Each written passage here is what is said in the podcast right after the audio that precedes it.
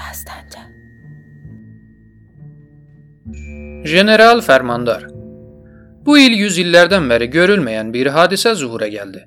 Təbriz xalqı Aşuradan 40 gün keçənə qədər təziyə saxlardı. Onlar adət üzrə imamın 40-ı çıxana qədər ağlardılar. Lakin bu il Məhərrəm ayının 14-də bütün təziyə məclisləri yığıldı.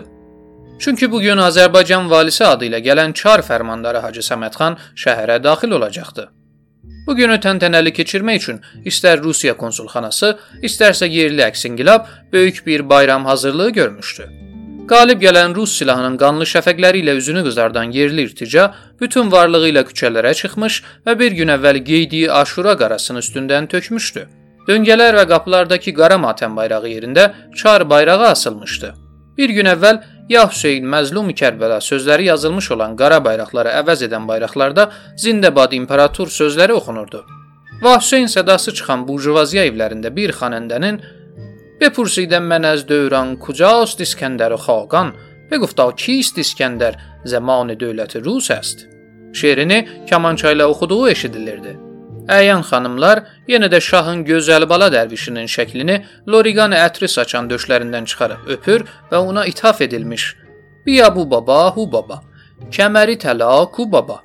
Bu baba, hu baba. Mahnısını oxuyur və güzgünün qabağında fırlanırdı. Gündə bir dövlətin qucağına atılan siyasi fahişələr istiqbal libasını taxıb dışarı çıxmağa hazırlaşır, atına uzun qulağına faytona əyləşirdi. Nina ilə mən bu barədə konsuldan və Sərdar Rəşiddən məktub almışdıq. Onlar bizə Hacı Səməd xanın istiqbalına getməyi lazım görmüşdülər.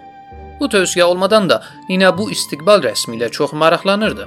Buna görə də onu yalnız buraxmaq istəmədiyimdən özüm də hazırlandım. İki faytonla yola düşdük. Faytonun birində mən Nina, o birində isə Məşədi Kazım və Əli Əkbər yoldaş oturmuşdu. Nemətabad yaylasından başlayaraq Fərmandarın mənzil edəcəyi Nizamüddövlə bağına qədər yol Hacı Səməd xanın xüsusi alayı olan Marağa atlarının nəzarəti altındaydı. Neçə gündən bəri Təbriz xalqının malına, canına, namusuna təcavüz etməkdən yorulmayan bu alay bir gün əvvəl Çar konsulxanasından verilən yeni rus silahı ilə silahlanmışdı. Çar fərmanlarını Təbrizə daxil etmək üçün konsul bir iskadran, yəni atlı qoşun dəstəsi Rus qazağı göndərmişdi. Fərmanları hər bir ehtimala qarşı mühafizə etmək üçün yolların mühafizəsi Çar qazaqlarına tapşırılmışdı. İran istiqlalının məzarı üzərində tikilən taqi zəfər Təbriz əyan və əksingilabçılarının evində yetişdirilmiş rəngarəng çiçəklərlə bəzənmişdi. Səmədxanın faytonu ətrafında gedən Qazax musiqi dəstəsi ölmüş İranın milli marşını çaldıqca musiqi alətlərinin səsi də o səsi dinləyənlərin iqbalına sanki istehza edirdi. Səmədxanın özünə məxsus musiqi dəstəsi də məhərrəmlik münasibətilə təziyə və matəm marşı çalaraq keçirdi. Ruhanilər, müctehidlər, seyidlər və mərsiyəxanlar dəstəsinin dalınca dərvişlər dəstəsi gəlirdi. Biz bu dərvişlərin bir çoxunu Səttarxanın qapısında durub mədhiyə oxurkən görmüşdük. Onların çiyinlərində tutduğu və əllərində oynatdığı çanaq və təbərzinlər bir meşə mənzərəsini təşkil edirdi. Yüzlərcə Hindistan tısbasının çanağını kəşkul qayırıb qoluna keçirən bu fəxri dilənçilərin hər biri bir cür qəsidə oxuyurdu. Nina dərvişlərin hərəkətindən və çiyinlərini qısaraq fırıldamasından maraqlandığı üçün mən faytonun dərvişlər dəstəsinin yaxınından sürülməsini tapşırmışdım. Dərvişlər oxuyurdu. Gedəndə Xeybər üstünə Əli Vəli ləm yəzəl Hüseyndən üçün alıb izinkar zar Abbas, xəlq yektaya bir məxluq yektadır Əli. Mənəm ol şir ki, nərəm səfi meydanı yıxar. Tiğimin zərbətinə söyləti dərya durmaz. Şəcaət aləmində Heydəri Kərrarə bənzərsən. Ey kirdəgarın ismi uzması ya Əli. Beşikdə icdihanı öldürən şiri jiyanımsən. Mən bunların hamısını mümkün qədər ninəyə tərcümə edir və aydınlaşdırırdım. Birdən Nina maraqla məndən xəbər aldı. Ah, İranda bu mərsiyə və mədihələrin qabağına çıxacaq yeni inqilabi ruhlu ədəbiyyat yaranırmı? Mən bilmirəm. Görəsən, cüz'i də olsa, bugünkü mübarizəni ifadə edən bir şairimiz, bir əsərimiz varmı? Mən Ninaya cavab verə bilmədim. Çünki Mahmud xan mənimlə Ninanın bir faytonda getdiyini görərək atını bizim faytonun yanına sürdü. O Ninaya salam verdi. Lakin Nina ona əhəmiyyət vermədi və mənə müraciətlə: "Bax bu həyasıza. Ancaq bircə kərə evimizə vəsiqə soruşmaq üçün gəlib, indi isə hörmətli bir tanış kimi mənə salam verir və dişlərini axardır." dedi. Mən bu hadisənin gələcəkdə böyüməsini yəqin etsəm belə, Ninanı rahatsız etməmək üçün əhəmiyyət vermə. Sözünü deməklə kifayətləndim. Dərvişlərin dalınca lənətçi Məşədi Məhəmməd gəlirdi. Lənətlərinin ünvanı məşrutəni təhqir etməkdən ibarət idi. Lakin onun səsini eşidən, lənətinə ümumi səslə cavab verən yox idi. Çünki Səmədxanın əyləşdiyi fayton çox yaxında idi. Onun çomaqçıları Qocaxan və Ağabalaxanın "Çəkil, çəkil, kənar, kənar, yoldan çıx" deyib çığırmaları lənətçi Məşədi Məhəmmədin səsini kəsirdi. Lənətçi hər nə qədər boş yer axtarır və ora-bura soxulub səsini Səmədxana eşitdirmək istəyirdisə də, şatırlar faytonun sağ-soluna qaçdığından lənətçini kənara atıb gedirdi. Lənətçi şatırlardan qurtarıb dilənçilər dəstəsinin içinə düşdü. Səmədxanın faytonu gəlib Nizamüddölə bağına yaxınlaşdı. Faytonun qabağında oturan xidmətçi əlində saxladığı mis qabdan götürdüyü qram pulları dilənçilərin arasına səpələməyə başladı. Yüzlərcə dilənçi biri-birini ayaqlayıb pulları qapmağa çalışırdı.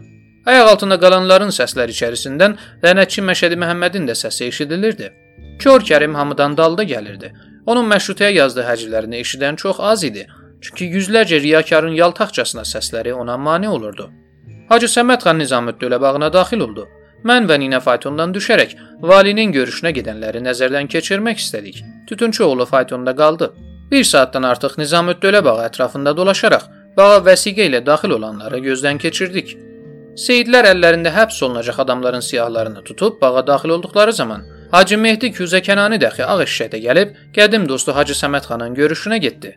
Mən Hacı Mehdinin inəyə nişan verərək dedim: Buna məşrutə zamanında millətin babası ləqəbi verilmişdi. Bu Hacı Mehdi Küzəkənanıdır. Xəstə olduğu üçün istiqbala gedə bilməmişdir. İndi isə dostunun görüşünə gəlir. Çox ehtiyatlı bir tacirdir. Vaxtilə inqilabdan istifadə edirdi. İndi də əks inqilab qərargahına köçmüşdür. Dəstəncə. Hacı Səmədxanın istiqbal təntənəsindən yenicə qayıtmışdı. Nina sözü yenə də faytonda açdığı məsələ üzərinə gətirib dedi: Rudəkşidən, Ferdosidən və sonrakı hafizlərdən və sədilərdən mənə danışmısan. Onları az-çox bilirəm.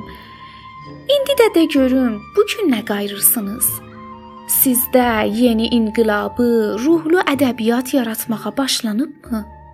Mən əlbəttə Mətiyə Mərsiyə ilə yanaşı olaraq zəif də olsa hər halda bizim şəraitdə inqilabi ədəbiyyat yaranmaqdadır. Lakin bu ədəbiyyat şaha qarşı bəslədiyi nəfrətini açıq-açığına deyə bilmir. Onların şaha qarşı hücumu semboldan, işarə və ilhamlardan, müəmmalı sözlərdən ibarət olub qalır. Onlar zalim padişaha demək istədiyi sözlərini rəhmsiz sevgililərə, gözəllərə, onların saçlarına, öldürücü gözlərinə, ox kimi qəlbi dələn kipriklərinə deyir və bununla da padişahı düşündürməyə, ona bir çox şeylər qandırmağa çalışırlar. Şairlərdən birisi öz sevgilisinə xitabla: "Mənim qəlbim sənin qara saçlarına bağlanıb, sənə rəyyət olmuşdur. Sən ona yaxşı bax, onu gözlə. Rəyyət yaxşı yaşadıqda məmləkət abad olmağa başlar." deyir. Mövhumat Mərsiyə və Məthiyə ədəbiyyatına qarşı düzələn müxalifətçi qrupların fikrini nəşr edən şairlər öz şeirlərində mühiti tənqid etməyə başlayırlar. Məsələn, Azərbaycan şairlərindən o hədi yazdığı şeirinin birisində deyir ki, bütün dünyanın sərxoşları ayıldı, amma bizim sərxoşlar hələ də ayılmamışdır. Padişahın simasını təyin etmək, onun nə kimi bir şəxsiyyət olduğunu kütlələrə bildirmək işində şeir yazanların ən cürətli siyasətidir. O şeirinin birisində belə yazır: Padişahın yanında iki şey vardır. Birincisi umud, ikincisi qorxu. Padişahın sevdiyi başqa şeylər də vardır. Birisinə şərbət içirmək, digərini isə zəhərləmək. Sən daima padişahın yanında gedəndə qorxmalısan. Onun yanında özünü azad bir insan kimi yox, bir kölə kimi aparmalısan. Sən günahkar olmasan belə yenə də onun huzuruna günahlı bir adam kimi getməlisən. Sən əlbəttə şahın təbəssümlərini görüb onun mərhəmətli bir zat olduğunu zənn etmə, çünki şirin dişlərini göstərməsi gülmək əlaməti deyildir. Mühitini təsvir edən inqilabçı fəqət susmağa məcbur olmuş. Cibali adlı İran şairi daha qəmgin bir şeir yazır. O deyir ki: Mürüvvət və vəfa aradan götürülmüşdür. Bu iki məfhum Simur quşunun mövcudiyyəti və misdən altun qayırmaq fikri kimi əfsanə olmuşdur. Ağıllı adamlar bir güşədə qısılıb qalmışdır. Fəzilət sahiblərinin hər birisi bir bəlaya mübtəladır. Əsrimizdə dəli ilə ağıllı adamlara fərq qoyan yoxdur. Artıq heç bir kəs yabancı ilə dostuna fərq qoymaq qabiliyyətinə malik deyil. Hətta mənim də nəsrimdə məzəmmət, nəzmlərimdə isə həcvlər görünmür. Əstərabadlı Sadiq padşahın rəiyyətə qarşı əlaqəsini təsvir etdiyi bir şeirində deyir ki: Ac laçın o qədər ədalətlidir ki, aciz olan serçəyə öz gözünün içində yer vermişdir. Nadim təxəllüslü daha başqa bir şair kütlələrin nə cür bir fəlakət içərisində yaşadığını iki misralı çox gözəl surətdə təsvir edərək yazır. Dünyada ən yazıq və rəhm edilməli adam odur ki, bizim yazıq olmadığımız haqqında düşünür. İnqilabçı ruhlu İsfahanlı Şah Nəzər padişaha qarşı bəslədiyi düşmənliyi qəti bir cümlə ilə yazır. Ya biz düşmənin başını daşa çırpıb əzməliyik, yəni ki, düşmən öz dar ağaclarını bizim bədənimizlə bəzəməlidir. Bir nəfərin şərəfli ad buraxıb ölməsi yüzlərlə adamın həqarət içərisində yaşamasından çox yaxşıdır. Padişahın rəiyyəti soyduğu, kütlələrin fəqir halda yaşadığı sufi şairlər arasında da təsirsiz qalmır. Sufi təxəllüslü şair padişaha müraciətlə yazdığı bir parçasında deyir: "Şahım, sənin nə taxtın, nə də tacın özünə qalacaqdır. Sənə qalan bir şey varsa, o da sandığına doldurduğun pulları ac və yoxsullara verməkdən ibarətdir." Hazırda müasir və inqilabçı şairlərdən Ədib Malik farsça yazdığı şeirində deyir: Təəssüf olsun ki, tarlalarımızı su basmışdır. Müsibətli əkincilər isə yuxuya dalmışdır. Şair Heyrət məmləkəti əcnəbilərə satan və rəiyyəti iki tərəfli istismara verən padşaha hücum edərək yazır: Ey pişikdən və sıçandan əski olan padşah, dovşan yuxusunu burax, ölkəni gözləmək və doğru yolla getmək işini heç olmazsa köpəkdən öyrən. Ey kəmzi qurbə və muş, buğzar xab xərquş, rozi səq biyamuz, ayin həqquzari. Sözlərimi bunlarla bitirmək istirdim, lakin Nina buraxmadı. O mənə müraciətlə: "A, sən indi də e, bir azacıq İran Azərbaycanında yaşayan türklərin ədəbiyyatından danış." dedikdə mən bu məsələ haqqında da bir neçə şey deməyə məcbur oldum. İran türkləri hələ Çar Qafqaziyasında türkçə mətbuat yaradılmadan qabaq Azərbaycan dilində hekayələr və nağıllar çap etdirmişlər, dedim. Sonra İranda Azərbaycan mədəniyyətinin inkişafına mane olan səbəbləri izah edərək İran şahlarından bəhslə əlavə etdim. İran padşahı İranda mövcud olan Azərbaycan xalqının əzilməsi üçün türk-fars vuruşmaları təşkil edərək Xurasan və başqa əyalət şəhərlərində yüzlərcə insanların həlakına səbəb olur və türk milli mədəniyyətinin unudulması üçün qəti tədbirlər görür.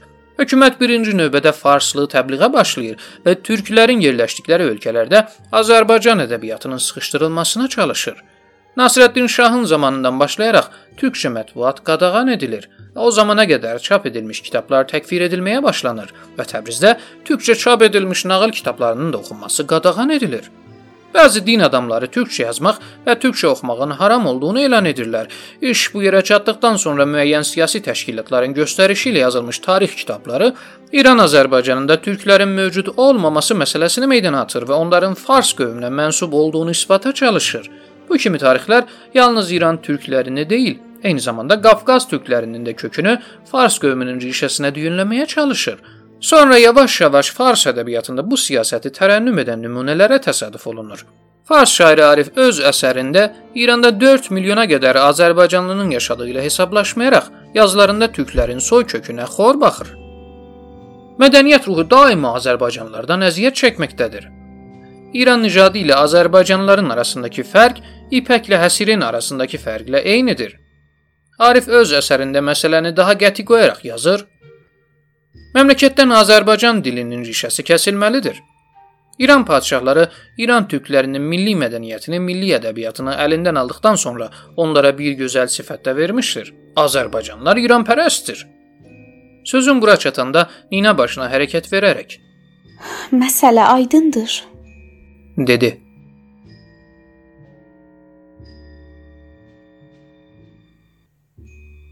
Kitabın adı Dumanlı Təbriz. Yazar Məhəmməd Səid Ordubadı. Hazırlayan Nurullah Purşərif. Bu bölümdə səsləndirdilər: Ravi Kamal Alqın, Nina Saray Tahiri, yönetmən Saray Tahiri, düzənləyən Səccad Müslimi. Bizim axağa qatılmaqla işimizin ardını tutmaqla bizə dəstək olun. Axağımızın adresi Dastanca. D A S T A N C A